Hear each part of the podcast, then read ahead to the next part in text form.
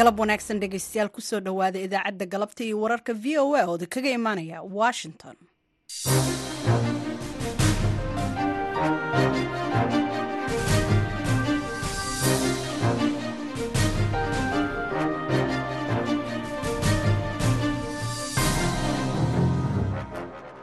waa maalin talaada ah bisha febraayo ee sanadka labada kun iyo saddex iyo labaatankana waa toddoba. Waxaad naga dhagaysanaysaan mawjadaha gaagaaban ee lix iyo tobanka iyo sagaal iyo tobanka mitirban iyo boggeenna v o a somaali com. Saacadda afrikada bari waa afartii galabnimo. Galabta iyo wararka v o a waxaa idinla socodsiinaya anigoo ah falastiin axmed iimaan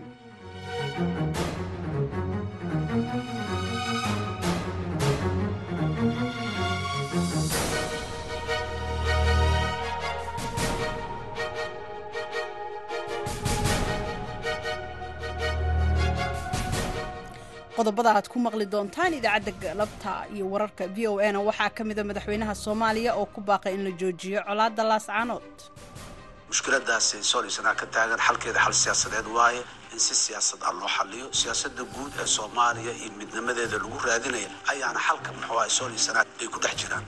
Sidaas daraaddeed waxaa meeshaas ka dhacayahay waa ka xunnahay raalli ka in maanta dadka rabitaankiisa horey lagu xaliyana suurtagal maaha sidoo kale waxaad dhegaysan doontaan waraysi ku saabsan xaaladda dad soomaali ah oo lagu la'aa magaalada kahramanmaraas ee turkiga ee dhulgariirku uu ka dhacay. Walaalow waxaa inoo kala dambeeyey dhallinyaradii saddex ka mida ayaa waxa weeyaan laga soo saaray guryihii oo kooma ku jira. Siday igu maqaalaa oo ay noo soo sheegayaan dhallinyarada kula dhaqan gobolka ama magaaladaasi oo laga soo saaray inta guryihii ku dumay qodobadaasi iyo warar kale ayaannu idiin haynaa. Marka horese ku soo dhowaada warkii caalamka oo aan idiin aqriyo.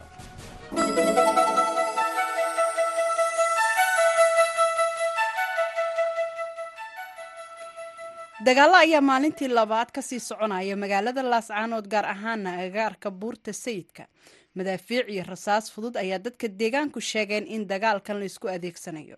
Madaxweynaha soomaaliya xasan sheekh maxamuud ayaa ku baaqay in la joojiyo colaadda laguna xaliyo wadahadal madaxweynaha oo maanta hadlaya ayaa sheegay in colaadda laascaanood ay u baahan tahay xal siyaasadeed.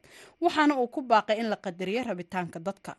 Madaxweynaha ayaa sheegay inaan la aqbali karin inay sii socoto ama uu sii socdo daadashada dhiigga shir uu yeeshay golaha wasiirada ee somalilan xalay oo uu shir guddoominaya madaxweynaha somalilan muuse biixi cabdi ayaa isna laga soo saaray qodobo ay ka mid yihiin in dowladda somalilan ay diyaar u tahay in colaadda lagu xaliyo wadahadal. Somalilan waxay ku baaqday in la taageero dadka ka barakacay magaalada laascaanood dagaalkan ayaa dhinacaba dhinaca kale uu ku eedeeyey inuu isagu bilaabay maalintii shalay. Odayaasha deegaanka ayaa shalay soo saaray go'aamo ay ku jiraan in deegaanada s c khaatumo ay ka mid yihiin dowladda federaalk soomaaliya ayna u taagan yihiin midnimo islamarkaana aysan ka mid ahayn maamulka somalilan sida lagu sheegay qoraal ka soo baxay odayaasha. Odayaasha ayaa sidoo kale sheegay inay doorteen guddi ka kooban afartan iyo shan xubnood oo maamuli doona arrimaha s c xogeyaha difaaca ukraine olexi rasnikof ayaa maanta soo dhigay bartiisa twitter-ka in isbedelo ay socdaan xitaa xili dagaal lagu jiro. Fariintan ayaa soo baxday xilli ay soo badanayaan iscasilaadaha iyo shaqo ka-eriyada dowladda dhexdeeda ah waxaana soo xoogeysanaya xogo sheegaya in shaqadiisa wasiirka gaashaandhigga qof kale loo magacaabayo. Waxa uga mahad celiyey bulshada taageerada iyo dhaleeceyntii wax dhisaysa ee loo soo jeediyey wuxuuna sheegay in go'aan la gaaray madaxweynaha ukraine volodimir seloniski ayaa si rasmi ah aan isagu uga jawaabin. Eedeymo ama hadallo ka soo yeeray xubno ka tirsan baarlamaanka oo soo jeediyey in rasnikof loo wareejin doono xil kale. Balse khudbadiisii joogtada ahayd ee isniinta ayuu ku sheegay seloniski in dowladiisu ay adkaynayso xilalka maamulka taas oo ay ka mid tahay magacaabista maamulayaal leh waayo aragnimo militari oo laga keeno xuduudaha iyo gobollada furimaha ah arrimahan ayaa imaanaya xilli ay saraakiisha ukraine ka digayaan in ruushka ay diyaarinayaan weeraro ay ku muujinayaan gacan sarreyntooda dagaalka sana jirsanaya ee faragelinta ruushku ku sameeyey dalka ukraine. Meesha ugu weyn ee xagjiriinta islaamiga ah ee rabshad wadayaasha ahi xarunta u ah ayaa lagu sheegay inay tahay waddamada saxaraha ka hooseeya ee afrika halkaasi oo dadka ay ugu biirayaan kooxahan sababo dhaqaale iyadoo ujeedka diintu ay tahay mid yar ayaa lagu yiri warbixin ay soo saartay hay'adda qaramada midoobey u qaabilsan horumarinta. Sagaashan iyo laba boqolkiiba ayaa sare a u kacday dadka cusub ee ku biiraya kooxaha xagjiriinta ah si ay u hagaajiyaan noloshooda marka la barbar dhigo warbixin ay hore u soo saartay sannadkii labadii kun iyo toddobiyo tobanka hay'addan nolosha dad badan oo afrika ku nool ayuu xanuunka covid sagaal iyo toban ku reebay saameyn adag.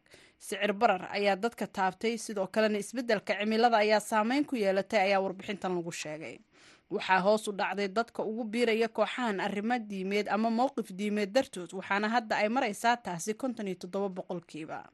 Warbixintan waxaa lagu wareystay laba kun iyo laba boqol oo qof oo ka kala yimid sideed wadan oo afrika ah oo kale ah burkina faso cameroon jad mali niger nigeria soomaaliya iyo suudaan boqol ka mida dadkan la wareystay ayaa waxa ay ka mid ahaayeen kooxaha xagjiriinta ah waxayna isugu jireen kuwo iskood ugu biiray iyo kuwo si qasab ah loogu daray kooxaha gurmadka ee turkiga iyo siiriyaha oo ku shaqaynaya cimilo aada u qabow ayaa weli wada inay dadka ka raadiyaan burburka dhismayaasha iyadoo khasaaraha dhimashada ee dhulgariirkii shalay ku dhuftay uu kor u dhaafay shan kun oo qof. Hay'adaha maareynta masiibooyinka ayaa sheegay in kumanaan dhismo oo ku yaalla magaalooyinka gobollada aadka u baaxadda weyn ay dhulka la sinmeen burburka ugu weyn ayaa ka dhacay xarunta dhulgariirka oo ah inta u dhexaysa gobolka kahramanmaras iyo gazinteb oo ah magaalo ay ku nool yihiin laba milyan oo qof turkiga ayaa tiradii ugu dambeysay ee dhimashada dalkaasi waxay ku sheegeen saddex kun afar boqol iyo sagaal iyo toban taasi oo khasaaraha dhimashada ee ilaa iyo hadda la xaqiijiyey ka dhigaysa turkiga iyo syriya marka la isku daro shan kun iyo koo iyo labaatan qof waxaa jirta cabsi ku aadan in khasaaraha uu intaasi aada uga badan karo iyadoo saraakiisha ururka caafimaadka adduunka w h o ay qiyaasayaan in laga yaabo in labaatan kun oo qof ay ku dhinteen. Kooxaha caafimaadka ayaa la xarbinaya inay daweeyaan qiyaastii labaatan kun oo qof oo dhaawac ah.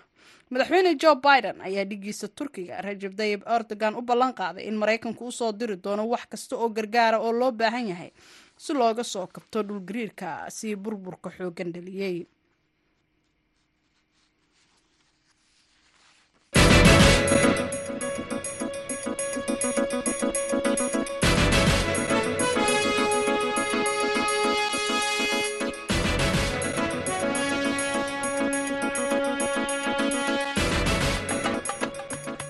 halka warkaasi aad kala socotaana waa v o a washington. Tirada dhimashada dhulgariirkii shalay ku dhuftay wadanka turkiga iyo syriya ayaa gaaray ilaa iyo shan kun oo qof iyadoo uu soo baxayo. Baaxadda masiibada ku habsatay deegaanada dhulgariirku uu ka dhacay. Dalka turkiga ayaa codsaday gargaar caalami ah waxaana wadamo kala duwani ay ku yabooheen inay shaqaalaha gurmadka iyo baadigoobka u dirayaan dalka turkiga. Warbixin v o eda arrintan ay ka qortay waxaa noo haysa sahra ciidla nuur kooxaha gurmadka u tababaran ee ka howlgelaya waddamada turkiga iyo siiriya ayaa maantoo salaaso ah ku howlan baadhitaano ay ku goobayaan haddii ay jiraan. Dad nool oo ku hoos jira burburka dhismayaasha uu baabiiyey dhulgariirkii baaxadda lahaa ee isniintii shalayto ku dhuftay labadaasi dal. Kaasi oo inta la xaqiijiyey ay ku dhinteen dad ka badan afar kun iyo sideed boqol oo qof.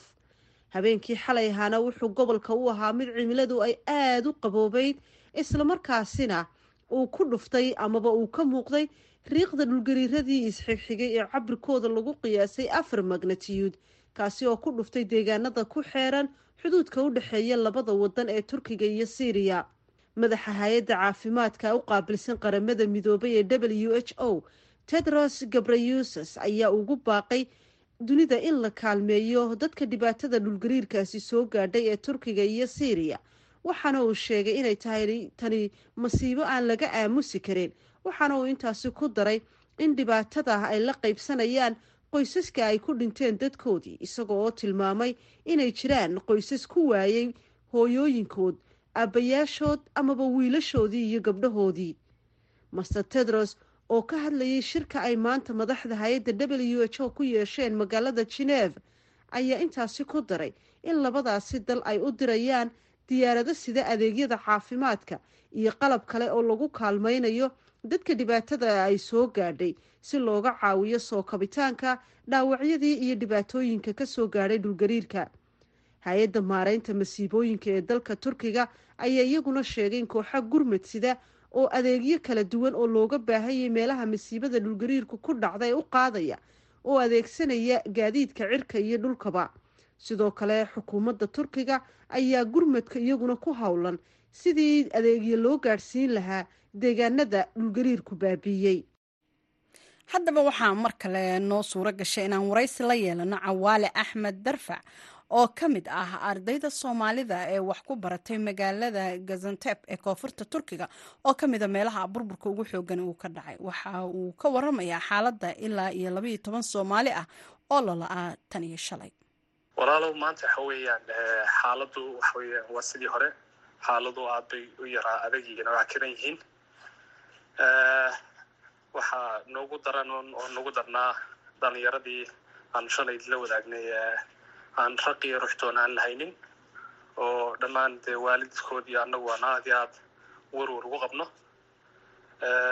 Xaaladaha kale wax kaloo ku soo kordhay oo aan intii shalay ahayn ma jiraan waay dhalinyaradaas aynu ka hadalno shalay waxaad noo sheegtay ilaa koob iyo toban inay yihiin lagula yahay magaalo idiin dhow. Noo sheeg wararkii ugu dambeeyey maxaad ogaateen? Walaalow waxaa inoo kala dambeeyey dhalinyaradii saddex ka mid a ayaa waxa weeyaan laga soo saaray guryihii oo kooma ku jira. Siday igu maqaalaa oo ay noo soo sheegayaan dhalinyarada kula dhaqan gobolka ama magaaladaasi oo laga soo saaray imka guryihii ku dumay waa garta. Marka goormaa la soo saaray xaaladooda yaa kuu sheegay halkee baa la geeyey? Iminka xaaladooda waxaa lagula tacaalayaa cisbitaalka oo markiiba ambalaasyadii baa qaaday oo xaaladooda la tacaalaya. Waxaa iisoo sheegay oo aan warkaa na soo gaadhsiiyey dhalinyaro inaan aanu saaxiib nahay oo isna gobolka kula sugan dhalinyaradan oo goobta isaguna joogaya dhalinyaradan laga soo saarayay saddex baa la soo saaraa tiri imisaa lala-yahay weli waxaa la laayahay dhalinyarado tiradooda ay dhan tahay sagaal qof imika inta tirooyinka imika suganaan hayaa sagaal qof laakiin waxa weeyaan waxaa laga yaabaa inay dadka qaarkoodna ay toban idhaahdaan lakiin intaan ognahay imika markaa saddexdan laga reebo sagaal qof baa dhalinyaradaas ka maqan. Waxaad ii sheegtaa marka halkee bay ku sugnaayeen dhalinyaradani marka ay dhibaatadani qabsatay walaal waxay ku sugnaayeen magaalada karamarash iyaduna ku taala koonfurtan dalkani turkiga. Dhalinyaradan waxay ahaayeen dhalinyaro ka baranaysay jaamacadda ku taala magaaladaasi. Marka musiibadan waxay ku heleeshay guryihii deegaanka ee jaamacadda. Dhalinyaradan qaarkood miyaa taqaanaa adiga shaksiyan haa dhalinyarada waxaa ku jira dhalinyaro asxaab nahay oo aan saaxiibaday waa ku jiraa waaya marka dadaalka dhalinyaradan lagu baadi goobayo in la helo iyagoo nool haddii la heli karo yaa idinkula jira. Waxa weeya waxa koowaad ee cidda koowaad ee dadaalka muujinaysa ee dee meesha joogta ee dadka baadhaysa waa dowladdii turkiga oo dadaalla aada badan muujinaysa run ahaantii. Si aan u helinay dhalinyarada iyo dad kaloo badan oo ay musiibadani ay wax ku yooloobeyn waxaan u gartay dhalinyaradan dhismihii jaamacadda ayay ku sugnaayeen mise guryahooda ayay ku sugnaayeen marka uu dhulgariir ku dhacay laba laba qaybood bay laba qaybood bay u kala baxsanaayeen. Qayb waxay ku sugnayd dhalinyaradan guryaha iyagu khaas u degan yihiin. Qaybina waxay ku sugnaayeen deegaankii jaamacadda ama domitarigii ay jaamacadda ay lahayd bay ku sugnaayeen. Kasokow dhalinyarada lala-yahay ilaa haatan dad soomaaliya oo ku dhintay ama dhibaato ka soo gaartay dhulgariirkan ma jiraan? Cid ku dhimatay oo kale oo ama aan maqalnay ma jiraan laakiin waxaa jira dhalinyaro dhaawacyo fudud ay ka soo gaadheen sida jabniin oo kale oo habeenbarkii dee markii musiibadan dadka haleeshay ka booday ama ka daatay daaqadihii guryihii ay ku sugnaayeen waktigaasi laakiin cid kale oo wax ka soo gaadhay weli maanaan maqalno ama mushkulad kale ka soo gaadhay weli namay soo gaadhin. Waay adu waxaad ku sugan tahay magaalo kale bal waxaad nooga warantaa guud ahaan xaaladdu maanta sida ay tahay. Gurmadka la idiin fidiyey guryihiinii haddii ay burbureen halkee baad hoy ka hesheen walaalow waxa weeyaan waxaa gurmad noo fidiyey dowladda dalkani turkiga iyo dad mutadawiciina oo dadka u qaybinaya cuntooyin ay cunaan iyo biyo iyo hoy ay seexdaan oo meela safe zones ama meelo ay kaga nabadgeli karayaan haddii ay musiibadani mar labaad ay gobolka ku soo noqoto. Waayo dadku waxaa lagu jiray xaaladaha emergency ah magaalada guud ahaan aad iyo way xidhan tahay oo maqaaxyada ama meelaha laga cunteeyo ama stationada ama magaalada waxaad moodaa in dhammaan nolosha ay istaagtay ay taagan tahay. Marka waxaa dadka la tacaalaya laba qaybood waa dad mutadawiciin oo iyagu iskood mataqaanaa isu isu abaabulay iyo dowlad dadaalka wada. Bal sawir ka sii dhibaatadan inta ay la eg tahay maxaad ku qiyaasi lahayd murugada iyo burburka ka dhacay ee koonfurta turkiga iyo gobolka aad ku sugantihiin wallahi walaal waxaa dhacday dee masiibo aada iyo aada u weyn oo saddex saddex kun oo qof ay ku geeriyoodeen guryo badan ay ku baaba-een noloshii oo dhan dhammaantood ay ku istaagtay. Waa dee waad sawiran kartaan dhibaatadaas intay leeg tahay ama cabsida dadka ku jirta ee haysata. Dadkii guryahoodii waa ka wada baxeen oo way ka wada yaaceen. Meelo dabadaabay imaka joogaan oo lagu fidiyey adeegyo kala duwan ay dowladda ugu fidanayso magaaladu dhaxan baa ka jirta oo baraf iyo rooba baa jira xaaladdu marka aada iyo aad bay u cakaran tahay. Mahadsanidkaasi waxa uu ahaa cawaale axmed darfac oo u waramayey haaruun macruuf. Haddaba xaaladda dhulgariirka turkiga iyo soomaalida ku nool deegaanada uu dhulgariirkan ku dhuftay ayaa waryaheena ridwaan xaaji cabdiweli waxa uu ka waraystay danjiraha soomaaliya ee turkiga jaamac cabdulaahi caydiid walahi ridwaan horta meesha dhib weyn baa ka dhacay. Dowladda turkigu waxay sheegtay waxaa ugu dambeeyey dhulgariir xajmiga oo kaleele ilaa kun iyo sagaal boqol soddonaadkii. Dhimashadu dee shan kun iyo waa dhaafasaa marka la eego miidiyaha guud. Mar kastana way sii kordhisaa. Dhulgariirkani suuriya iyo xuduudda suuriya iyo turkiga wuu isaga gudbay. Dhulgariir hal mar dhacay maaha intaasoo jeer buu iska daba dhacay saaka xitaa dadka qaar waxay noo soo sheegeen inuu dhacay. Meesha dhib weyn baa ka dhacday. Dowladda turki waxay ku dhawaaqday toddoba maalmood oo barwaldeeqa ku dhawaaqday. Adduunka oo dhan baa laga soo gurmaday.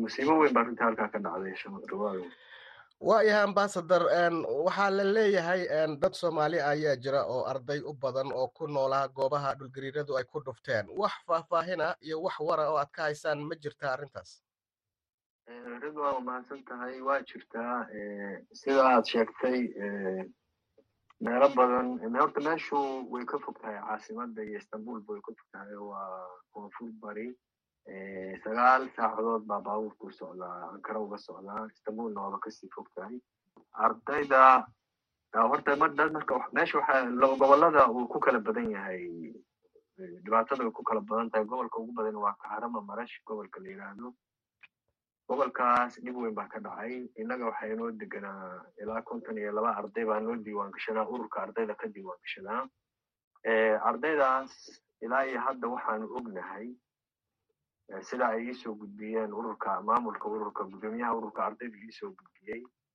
Shan arday baa ku jira dhulka gudihiisa oo la qodayaa. Shanta arday qaarkood waxay kula jiraan arday jabuutiyaan ah oo oo iyaguna meesha ku jira.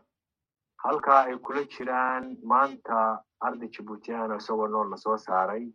Taa macnaheedu waxa weeye waa dhici kartaa ardayda in la soo nolol loogu tago oo rajayna gelisay.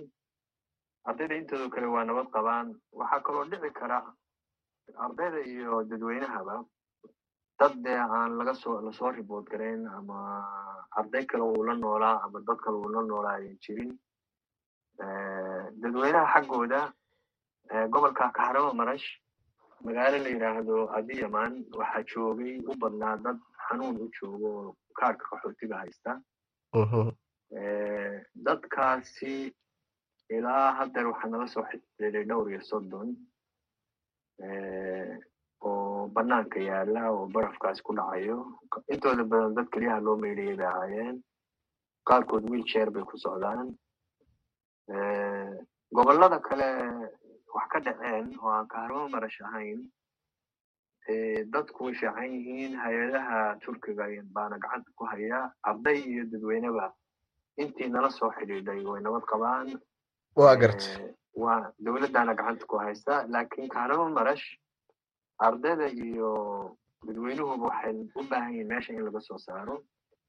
Idaacadda kaa horreysay waxaan hayay dadweynaha inaanu bas u dirnay waan sheegay safaaradda u dirtay. Laakiin gadaal markii waraysigaa kadib waxay ardaydu iyaguna igu soo wargeliyeen maamulka ardaydu inay iyaguna dhowr iyo soddon arday ay bas gaara iyaguna isxilqaameen oo u direen oo uu jid ku sii jiro laakiin baska safaaradda horreeyey oo ilaa waayahay. Waayahay waxaad ii sheegtay waxaad ii sheegtay in ay jiraan arday ku hoos jira burburka oo maaragtay weli nool. Marka waxaad leedahay wax dhimashaa oo ilaa iyo haddaydi soo gaartay ma jirto? Eeg dhimashada ilaa hadda wa waa dhici kartaa inay jirto. Laakiin dadkan hadda godka ku jiraa dee godkii bay ku jiraan. Lama xaqiijin inuu nool yahay inuu dhintay waa dhici karaan dad kale oo dhintay sababtoo ah kumayaal baa weli maqan oo cid walba leh. Meesha markaa sida hadda markiiba informationku macluumaadka ama warbixinuhu u soo kala caddaanayaan waa adag tahay oo qof kuu sheegi karo odhanaya qofka meydkiisan soo helay hadda ma jiro sababtoo isu socodkii baaba yar waa gartay laakiin hadda lama geli karo oo dowladdu way xidhay laakiin basku maadaama gurmad uu socdo waa dhici kartaa in la sii daayo. Marka waad ka war haysaan in dadkaas hadda loo gurmanayo oo la isku dayayo in laga soo saaro halka ay ku jiraan. Dadka gudaha ku jira dee horta hay'adaha ku shaqada lagun baa geli karaa gurmadkooda waana la wadaa. Oo hadda qaar waa mid waaba la soo saaray ardayga jibutiyanka waa la soo saaray.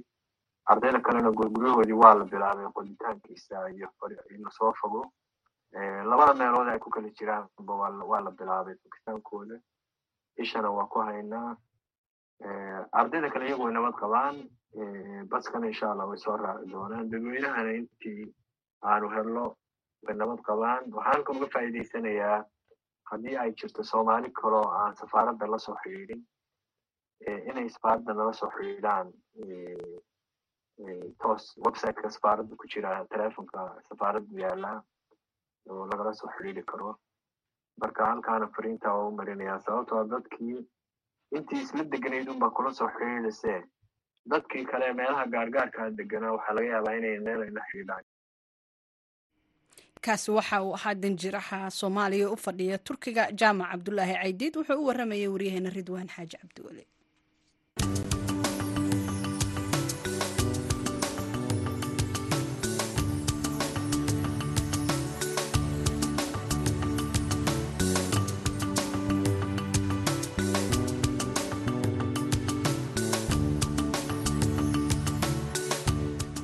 galab wanaagsan dhegeystayaal meel walba aad nagala socotaan. Dagaalo ayaa maalintii labaad ka sii soconaya magaalada laascaanood gaar ahaana agagaarka buurta sayidka. Madaafiic iyo rasaas fudud ayaa dadka deegaanku sheegeen in dagaalkan la isku adeegsanayo dagaaladan ayaa waxa ay geysteen khasaaro nafeed iyo mid hantiyeed. Khasaaraha dagaalkaasi warbixin ku saabsan goo idaacadeheena soo socda ayaad ku maqli doontaan balse dhinaca kale dowladda soomaaliya waxay ka hadashay dagaaladan soo cusboonaaday ee ka socda laascaanood madaxweynaha soomaaliya ayaa ku baaqay in la joojiyo colaadda waxaana uu sheegay in xalku uu yahay mid siyaasadeed.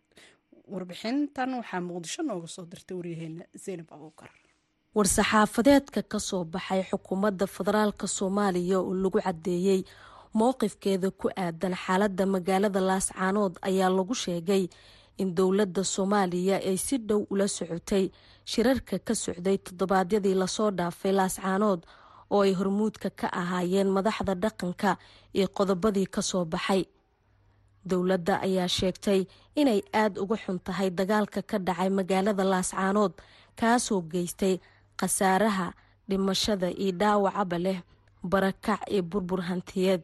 War-saxaafadeedka ka soo baxay dowladda ayaa lagu sheegay in dowladda uu xil ka saaran yahay ilaalinta mabaadiida dastuuriga ee dhowrista midnimada dhuleed iyo tan dadeed ee jamhuuriyadda federaalka soomaaliya waxayna dowladda ayada oo ka duuleysa mabaadiidaasi ay soo dhoweyneysaa sida lagu yiray war-saxaafadeedka rabitaanka iyo go'aanada dadka reer laascaanood. War-saxaafadeedka ka soo baxay dowladda waxaa warbaahinta u aqriyey wasiirka arrimaha gudaha axmed macalin fiqi. Dowladda soomaaliya waxay halkan ka caddaynaysaa mowqifkeeda ku aadan xaaladda magaalada laascaanood. Namber kow dowladda soomaaliya waxay aaminsan tahay in dhibaatada ka soo cusboonaatay laascaanood ay tahay mid siyaasadeed oo u dhaxaysa dad soomaaliyeed oo walaalo ah deegaan iyo dhaqan wadaaga dhibka u dhexeeyana aan lagu xallin karin adeegsiga xoog iyo dagaal toona.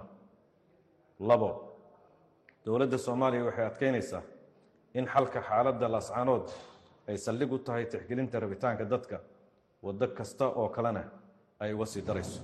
Saddex dowladda soomaaliya waxay garowsan tahay in colaadaha iyo dagaalada dhexdooda ah horey loo soo tijaabshay kuwaasoo aan laga dhaxlin wax natiijo ah. Sidaas awgeed waxay dowladdu ku baaqaysaa in si deg deg ah loo joojiyo colaadda dadka mas'uuliyiinta ah ee labada dhinacna ay hormuud ka noqdaan dejinta iyo wadaxaajoodka arrimaha laysku hayo.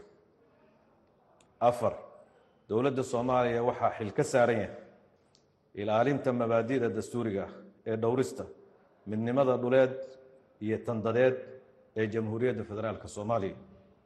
Waxayna dowladdu ayadoo ka duulaysa mabda'aad soo dhoweynaysaa rabitaanka iyo go'aanada dadka reer laascaanood. Shan dowladda federaalka soomaaliya waxay diyaar u tahay inay ka qayb qaadato sidii xasilooni loogu soo dabaali lahaa xaaladda ka taagan magaalada laascaanood.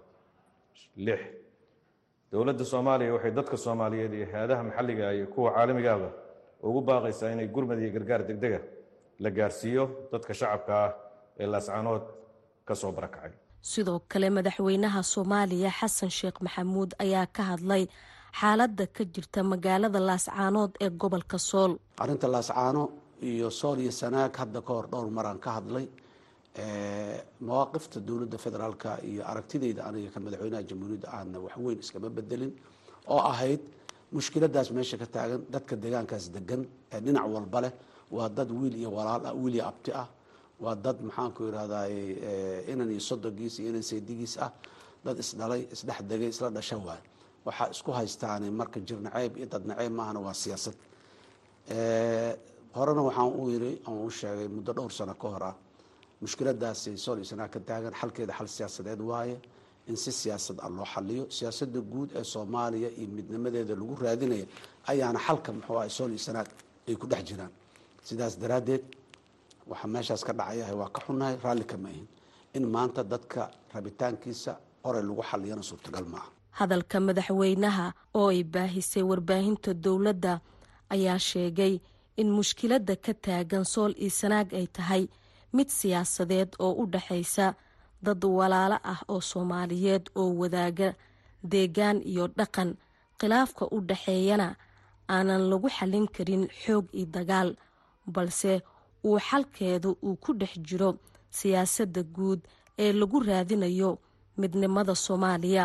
Waxa uu sheegay madaxweynuhu in uu diyaar u yahay meel kasta oo nabaddaasi looga hadlayo in uu tago oo uu la fadhiisto cid kasta oo nabaddaasi ka wada hadlayso isaga oo ku baaqay in si deg deg ah loo joojiyo dagaalka. Rabitaanka dadka hala ixtiraamo qoryaha hala dhigo xabadda hala joojiyo hala wada hadlo. Miiska wadahadalka hala isugu yimaado hala wada hadlo. Dowladda federaalk ee soomaaliya madaxweynaha jamhuuriyadda haddaan ahay diyaar waxaan u ahay meel kasta oo nabadaasi looga hadlaayo iyo cid kasta oo nabadaasi inay ka hadasho jecelba inaan aniga garab taaganahay u safro tuulo tuulada ugu fog hadday tahay inaan tagaan diyaar u ahay. Laakiin walaalayaal xalku marna kuma imaanayo qori. Inaan boqolaal ama kumanaan qof intaan dilno kadib korkooda hadhow aan isku gacansalaano oo aan nabadan aan ka dhalinay aan dhahno xabadka isku saarno waa laga rooyahay balaayada bootin bakayle ayay leedahay ha la joojiyo intaanay faraha ka bixin. Si kastoo ay ahaato hadalka madaxweynaha ayaa ku soo beegmaya xilli maalintii labaad uu dagaal ka socdo magaalada laascaanood ee gobolka sool kaas oo u dhaxeeya ciidamada maamulka somalilan iyo ciidanka deegaanka saynab abuukar v o a muqdisho.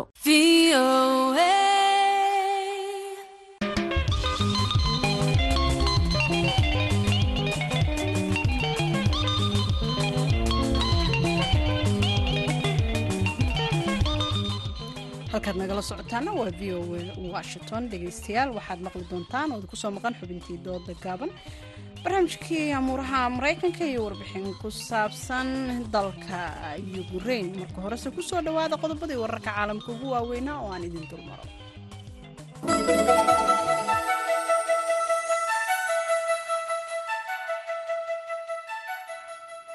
dagaalo ayaa maalintii labaad ka sii soconaya magaalada laascaanood gaar ahaana agagaarka buurta sayidka. Madaafiic iyo rasaas fudud ayaa dadka deegaanku sheegeen in dagaalkan la isku adeegsanayo.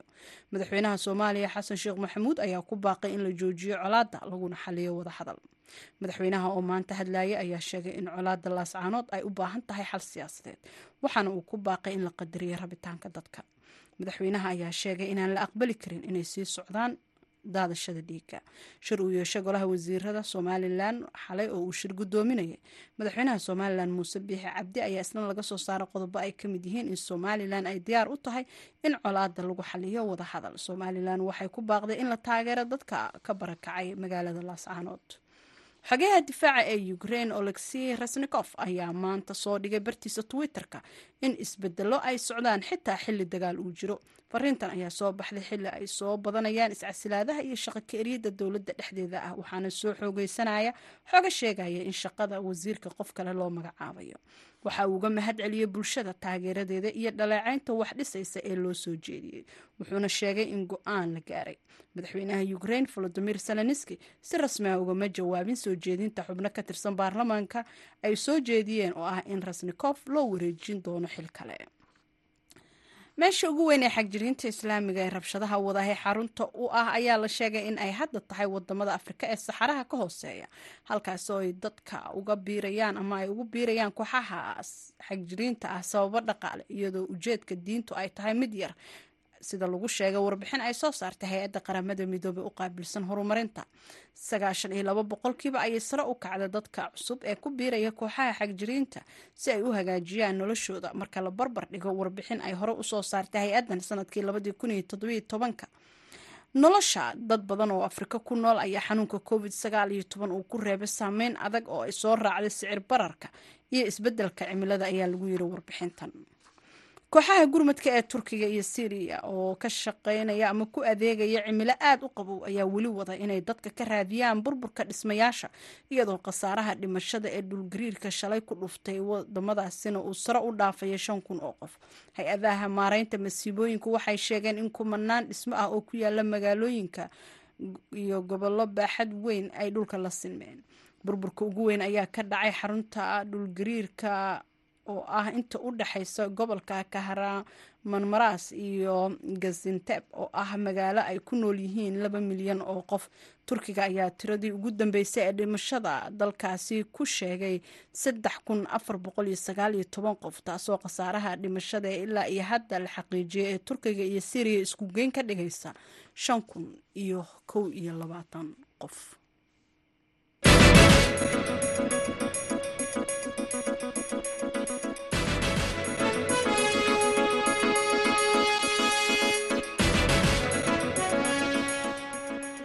halka warkaasi aad kala socotaana waa v o a washington. Markana ku soo dhawaada barnaamijkii umuuraha maraykanka iyo maxamed cabdi sandheere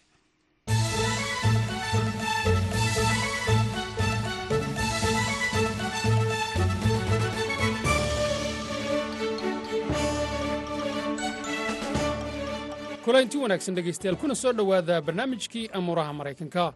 Madaxweynaha maraykanka jo biden ayaa caawa la sugayaa inuu jeediyo khudbaddii state of the union ee sannadlaha ahayd ee marba madaxweynaha xilka hayaa uu xaaladda waddanka kaga hadlo. Madaxweynaha ayaa la filayaa inuu arrimo dhowra khudbaddiisa ku soo qaato hase yeeshee intaynaan gelin waxyaabaha laga yaabo inuu baydhan ka hadlo bal aynu hor taegna arrin dhex martay dalalka maraykanka iyo shiinaha oo la xidhiirta buufin dhinaca sirdoonka oo shiinuhu u leeyahay oo hawada maraykanka soo galay dhaqdhaqaaqyada basaasnimadu ma aha kuwa hadda cusub ee dhowrkii toban lee u dambeeyey dunidu way adeegsanaysay. Haddaba waa kuwee dalalka aadka ugu firfircoon basaasnimada meesha fog laga hago. Waa kan maxamed sheekh xuseen oo arrimaha amniga ka faallooda kuna sugan gobolka virginia ee dalka maraykanka sandheere waa maxadsan tahay. Horta waxaa jiro adduunyada waa lis basaasaa qol walba qolada interest iyo dan ay ka leedahay. Way basaastaa. Basaasnimadana waa wax caadi oo dowladaha adduunka ka dhexeeya laakiin maraykanka dowladaha aada u soo hayaan waxaa ka mid a sida chinaha russia iran north korea. Waa waddamada aad isu basaaso. Marka qol walbana technique waxay isticmaashaa xeelado gooni ah oo iyada khaas u ah. Maraykanka nafahantiisa dee kama marna meesha waxyaalahan wuxuu ku yahay xariif. Marka maraykanka wuxuu isticmaalaa maxaa la dhahaa diyaarado aan la wadin oo ay wax basaaso iyo human source dad bini aadan oo jooga wadamadaas u dhashay iyo weliba hay'adda ugu weyn adduunka n s da oo signal intercept samayn karto yani signalka wixii warka qaban karto.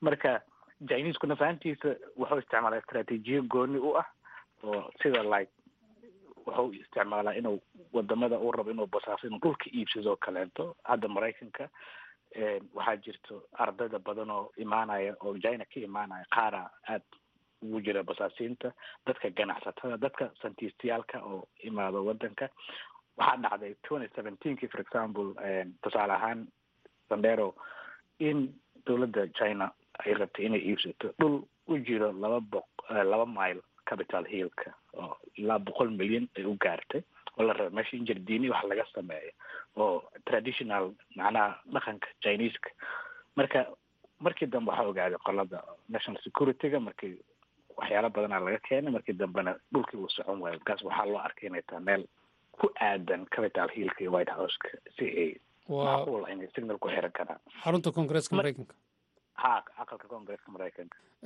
waan gartay. Marka waxaan ognahay maxamedow in wadamo kaleo sida israa'iil iyo iiraan waad xustay oo labadoodu aada isugu taagan iyagoo aada isu basaasa.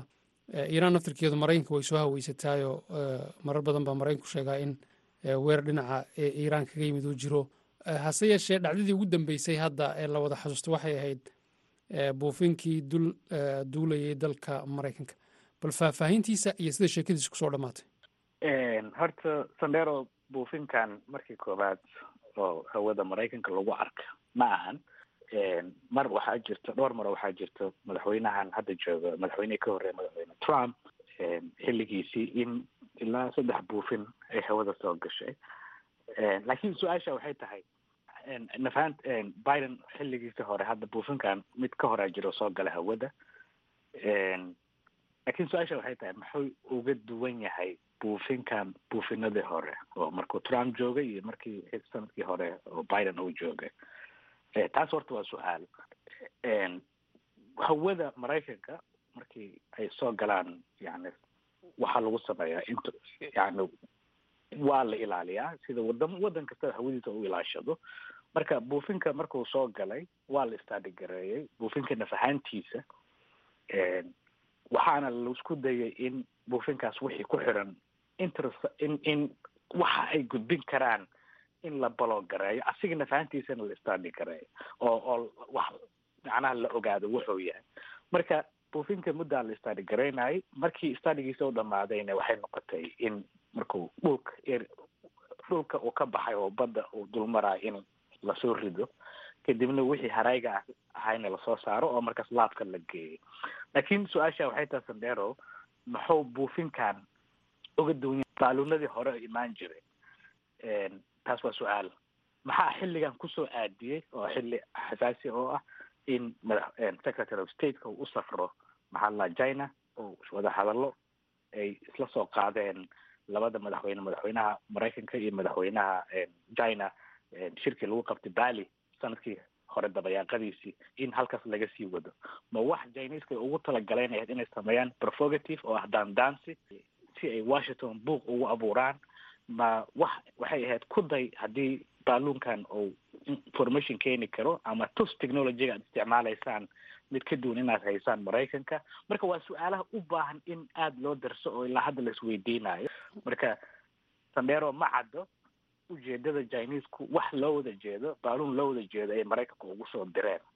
Taas ayada nafahanteeda ujeedada ay chineska ay ka leeyihiin in la fahmo u baahan sidaynu furitaanka barnaamijka ku soo xusnay madaxweynaha maraykanka jo biden ayaa caawa jeedinaya khudbaddii sannadlaha ahayd ee xaaladda waddanka kaga hadlayey haddaba waa maxay qodobada la filayo inuu ku soo qaato? Waa kan faarax maxamuud maxamed oo arrimaha maraykanka aqoon leh kuna sugan gobolka virginia. Horta inta badan siyaasad bay ku saabsan tahay oo laba u kala baxdo midna waddanka dhexdiisa iyo maraykanka uu kaga hadlayo midna uu kaga hadlayo arrimaha dibadda marka tan arrimaha gudaha oo uu ugu talagalay dadka maraykanku inay dhegaystaan waxyaalaha uu ku soo qaadayo kolley waxaa ka mid ah ugu waaweyn xagga kobcinta dhaqaalaha oo odhan doono dhaqaalaha waxaan sii kordhiyey aan hagaajiyey intii donald trump uu ka tegey. Dhimista sicir bararka oo dhibaato ahaa buu ka hadlayaa. Xadaynta maraykanka uu maaragtay lacagta deynta ee lagu leeyahay ayay ahayd inuu ayuu ka hadli doonaa uu leeyahay jamhuuriga hortaagan. Xadaynta haddaan wax yar sharxo waxa weeyaan ama waxay yidhahdaan dead limit. Lacagta maraykanka lagu leeyahay waxay ahayd sanadkan inaanay dhaafin. Ted koob iyo soddon dhibic afar trilyan oo waa lacagta federal governmentiga dawlad lagu leeyahay. Laakiin way dhaaftay. Marka sharcigaa wuxuu yahay waa in la kordhiyaayo dawladdu ay wax sii deyman kartaa si aanay dawladdu ugu kashifmin inay deyntaa iska bixiso taas waa qodob. Laakiin kolley dee isaga waxay usaa wuxuu u saarayaa xisbiga jamhuuriga. Oo arrintaa ka gaabsaday oo ku xidhay in lacagahan lagu bixiyo arrimaha bulshada ama la yidhaahdo social spending ayay iyagu waxay uga dhigayaan qodob in la yareeyo. Sida social security-ga iyo waxyaalaha dadku ay helaan waan gartay. Saad sheegtay waxaa jiri doonaa inuu siyaasadda arrimaha dibaddana ka hadlo. Maxaa ugu weyn oo la filayaa inuu inuu ku soo qaado? Arrimaha ugu waaweyn dibadda kolley wuxuu ka hadlayaa horta dee marna ma dhaafi karo arrinta ruushka iyo ukraine wuu ka hadlayaa wuxuu ka hadlayaa kolley arrimaha shiinaha oo gaar ahaan isagu waa kii wasiirka arrimaha dibadda ama secretary of state uu qorsheynayay inuu chinaha tago oo arrimaha xagga weliba dhaqaalaha iyo siyaasadda laysku hayo inuu kala hadlo. Laakiin markii balloonkii cirka duulayay uu maraykanka xuduudkooda soo galay uu xanaaqay uu safarkii la baajiyey kadibna la qarxiyey taa horta xoogaa wuu ka hadlayaa dee waana iska maraykanku sunnu ka dhigtay oo nuclearka iiraan iyo waxaana kolley wuu ka hadlayaa. Iyo xoogaa yar uu ka soo qaadanaya arrimaha bariga dhexe waxaa laga yaabaa wax yar inuu ka taabto isagoo le waan caawimaad baan u fidinaynaa dhulgariirka turkiya syria ka dhacay. Laakiin arrimaha wax waaweyn oo hadda aan china iyo ruushka ahayn oo hadda jiraan ma jiraan.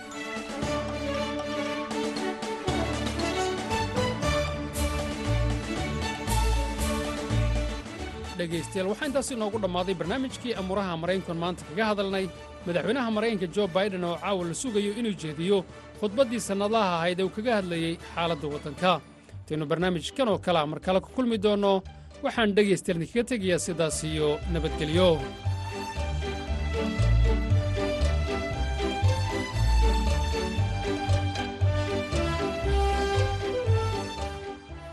maxamed cabdi xasan sandheere iyo barnaamijkii umuuraha maraykankaanu intaasi ku dhaafno. Markana ukrain madaxweynaha dalka ukrain volodimir zelenski ayaa lagu marti qaaday shirka hogaamiyaasha midooda yurub ay ku yeelanayaan isniinta kaasoo la filayo inuu ka dhaco magaalada brussels isbuuca soo socda. Warbixin ay v o eda arrintan ku qorta waxaa noo soo jeedinaysa sahre cabdi axmed. Arlis michel oo ah madaxa golaha yurub ee hogaamiyaasha midowda yurub ayaa ku marti qaaday seleniski hogaamiyaha ukraine inuu si shakhsi ah uga soo qayb galo shir madaxeedka dhowaantan ay yeelanayaan golaha. Sidaasi waxaa sheegay afhayeen u hadlay michel bartiisa twitterkana ku soo qoray. Afhayeen brandon letes ayaa waxa uu sheegay in hogaamiyaasha midowda yurub aysan sheegin goorta uu seleniski aqbali karo martiqaadkan wuxuuna sidoo kale ka gaabsaday inuu macluumaad dheeri ah ka bixiyo sababo ammaan awgeed shirka ka socda midowda yurub ayaa dhacaya khamiista iyo jimcaha toddobaadkan. Waxa uuna ka dhici doonaa magaalada bruslis goor hore oo maantayta ah warbaahinta ayaa sheegtay in seleniski uu ka qaybgeli karo shir madaxeedka sidoo kaleetana laga yaabo inuu khudbad ka jeediyo kalfadhiga baarlamaanka yurub ay yeelanayaan. Saraakiisha midowda yurub ayaa waxa ay diideen in ay ka hadlaan wararkaasi. Qaarkood ayaa xusay in haddii wararka ku saabsan booqashada sarkaalkan horey loo sii shaaciyo ay halis weyn ku keeni karto ammaanka hogaamiyaha ukraine ee xilligan dagaalka adag ku jira ayna hakin karto fursadaha uu ku horumarin karo safarkiisa. Xafiiska seleniski kama uusan jawaabin faallooyinka la xiriira warbaahinta sida ay wax uga qoreen in uu imaanayo bruslis haddii seloniski uu booqdo brusels usbuucan waxay noqon doontaa safarkiisii labaad ee uu kaga baxo bannaanka. Tan iyo markii ruushka uu bilaabay duulaanka buuxa ee ukraine afar iyo labaatankii bishii febraayo ee sannadkii ila dhaafay. December seloniski waxa uu booqday washington markaasi oo kulamo la qaatay madaxweynaha dalka maraykanka joe biden iyadoo dhinaca kaleetana uu khudbad u jeediyey koongareeska dalka maraykanka sahre cabdi axmed aad ayay umahadsan tahay markana ku soo dhawaada xubinta dooda gaaban. Xubinta dooda gaaban waxaa nala socodsiinaya oo noo haya xuseen xasan dhaqane.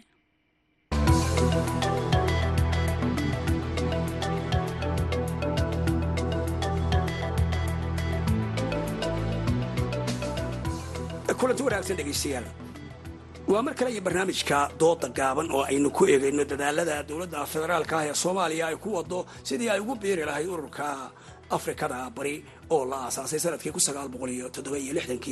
ma soomaaliya ayaa gaartay xilli ay buuxisay shuruudihii loo baahnaa sida waddamada ilaa iyo haatan xitaa koonfurta suudaan ay ku biirtay.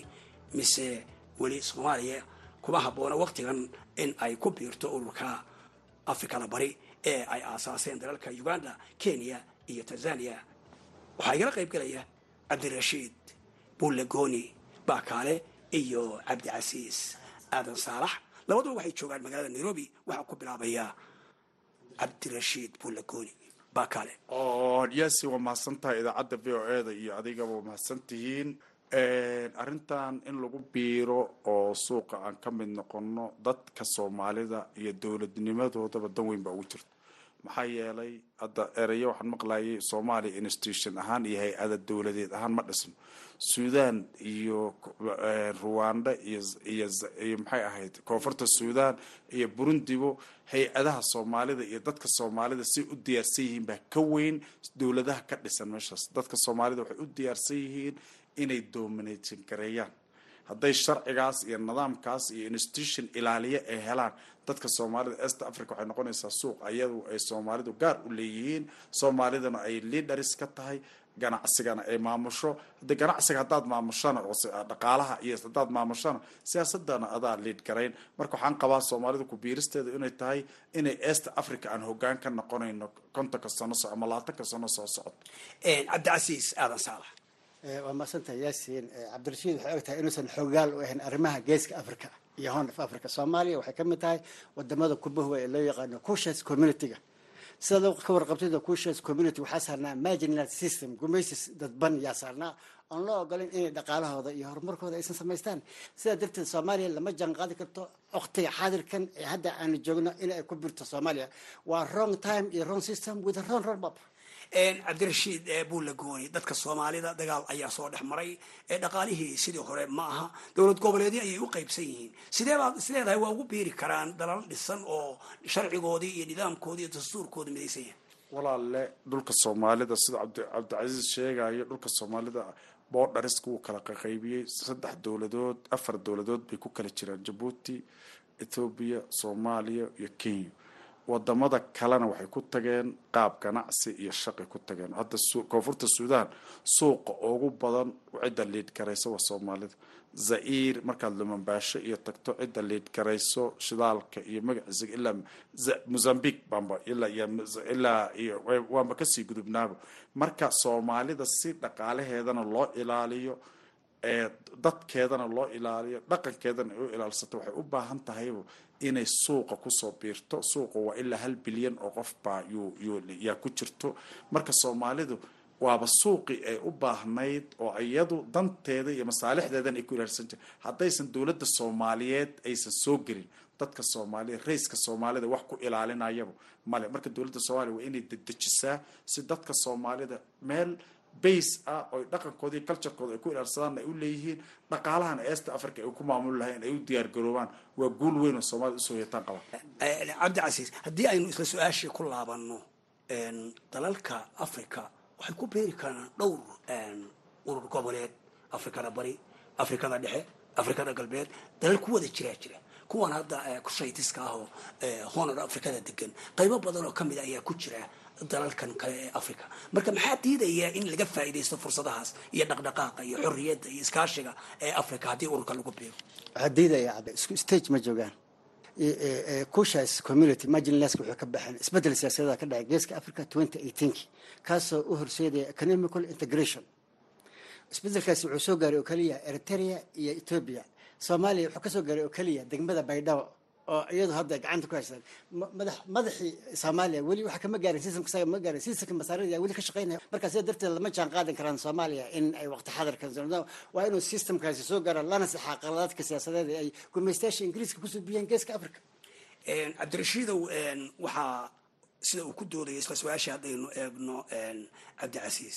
Waxyaabaha aad isleedahay soomaaliya way ka faa'iidaysan kartaa maxaa ka mid a warar waxaa ka fida isku socodka soomaalidu ereyga booranta gaalaha afka gaalaha soomaaliya safara baa leeyahay soomaalidu waa dad socodka iyo ganacsiga weliba ah u bareeridda in khasaarihii faa'iido deg dega laga helo. Soomaalidu way taqaanaa. Waxay taqaanaa in deegaan kasta ay dominad garayso hadda tuulooyinka dhulkan hadda est africa marka la yiraahdo dadka soomaalida ah way joogaan. Marka waxay u baahan tahay dowladdii soomaalida ahayd oo ku ilaalin lahayd inay u soo gashay u baahan yihiin. Si loo ilaaliyo dhaqaalahooda cirdigooda nasabkooda iyo rayskoodaba loo ilaaliyo. Hadday dowladii soomaaliyeed ka maqanta haddana aan est africa meel kasta shidaalka soomaali baa liidgarayso baabuurta soomaali baa liidgarayso alaabaha la qaado soomaali baa lagu waxa wax lagu dhiso soomaali baa ka beemustirto cuntada ugu badan soomaali baa geyso. Waxa kala socdo dhan soomaali u badan. Wax soo saarka oo dhan bay samaysaa. Mooskii magaciisiga beerihii bay wada maal gashadeen. Marka soomaalida si deg deg ah si loo badbaadiyaba dadka soomaalida waxay u baahan yihiin. Dowladda soomaaliya institutionada hadda xamar ka jiro institutionada xamar ka jiro kama kama kama kama jilicsano kuwa zair ka jiro. Kama jilicsano kuwa ruwanda ka jiro burundi baan leh kuwa ka jiro kuwa ka jira koonfurta sudan marka soomaalida maadaama shacabka anagiiba uu hawsha ku dhex jiro waxaan u baahannahay wixii u badnaayo dowladeyn dowladdaanada inay soo gasho. Ugadabta cabdicasiis wax badan oo soomaalidu aanay gudaha ka ganacsan karin oo dibadaha inay iskaga dhoofiyaan oo khayraadaha jira. Haddii canshuurta laga dhigo sida mooskii baa ka mid oo khudaartii baa ka mid oo kalluumaysigii baa ka mid oo waxaas ayaguna waxyaabaha bagaashkan iyo adduunkan kale iyo horumarka iyo technologiga waddamada africa ay haystee la soo gelinaya. Marka maxay eetaa ahaan kuu muuqataa in ugu dambayntii dadka soomaalidu hadday ku biiraan ay ka faa'iidi karaan. Cabdullahi ma waa ku biiri karaan because soomaaliya waa insecurity. Security waa kama jirto. Waayo systemka ka shaqeynaya waa sistemadii hore burbure gumaystayaasha ay ka tageen. Sidaa darteed wadanka waxaa la rabaa investment marka lagu sukanaya waa inuu security aan degan yahay. Dadka ay u bislaadeen in ganacsiga iyo shaqooyinka wixii ay samayn karaan. Maalgashadaashana ay imaan karaan nabad ay ku heli karaan nabad kama jirto. Muqdishoa laga soo kala cararaya. Nairobi baa la wada joogaa dadkii madaxdii kulli ba sa wada caraalkana joogaan. Seeda ugu beeraysa adiga community this is a right issue but the wrong time ugu dambayntii cabdirashiid maxaad xal u aragtaa? Xalku waa arrin fiican ma qabaa. Soomaalida dhulka way joogtaa. Soomaalida gudaha ku degan oo jamhuuriyadda ku degan iyo soomaalida ku dhex jirto waddamada east africa ku dhex jirto waxaa badan soomaalida kalluunkaas yaa khaas noo ah markii la fiiriyo east africa. Soomaaliday gaar u tahay oo xeebta ugu dheer bay leeyihiin xeebta ugu kalluun badan bay leeyihiin. Waa dad aada iyo aad dhulka dhulkana waxba soo saar badan buu leeyahay. Hilibka ugu badan xoolaha ugu badan baan keenaa. Soomaalidu waxaan qabaa haragga wax soomaaliya wax badan bay soo saarta marka waxaan qabaa soomaalida cidda koowaad waxna waa dowladda iyo institutionadeeda dowladnimadu anadu inay yaro wiigta way jirtaa. Laakiin shacabka soomaalida wiig ma ah. Aad ayaad umahadsantay kuwaas waxay ahaayeen cabdicasiis adasaalax iyo cabdirashiid bullagooni baa kaale labadu waxay joogaan magaalada nairobi. Doodii gaable inta haylo joogto intaynu mar kale hawada ku urbi doono haddii ilahay raalli ka sidaa iyo nabadgelyo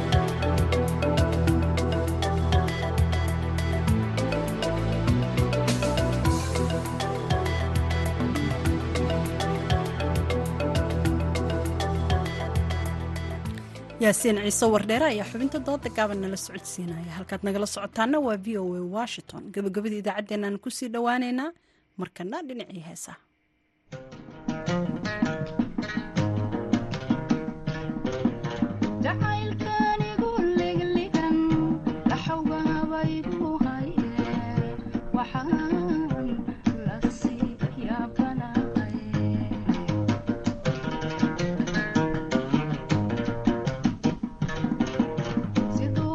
shacabka iyo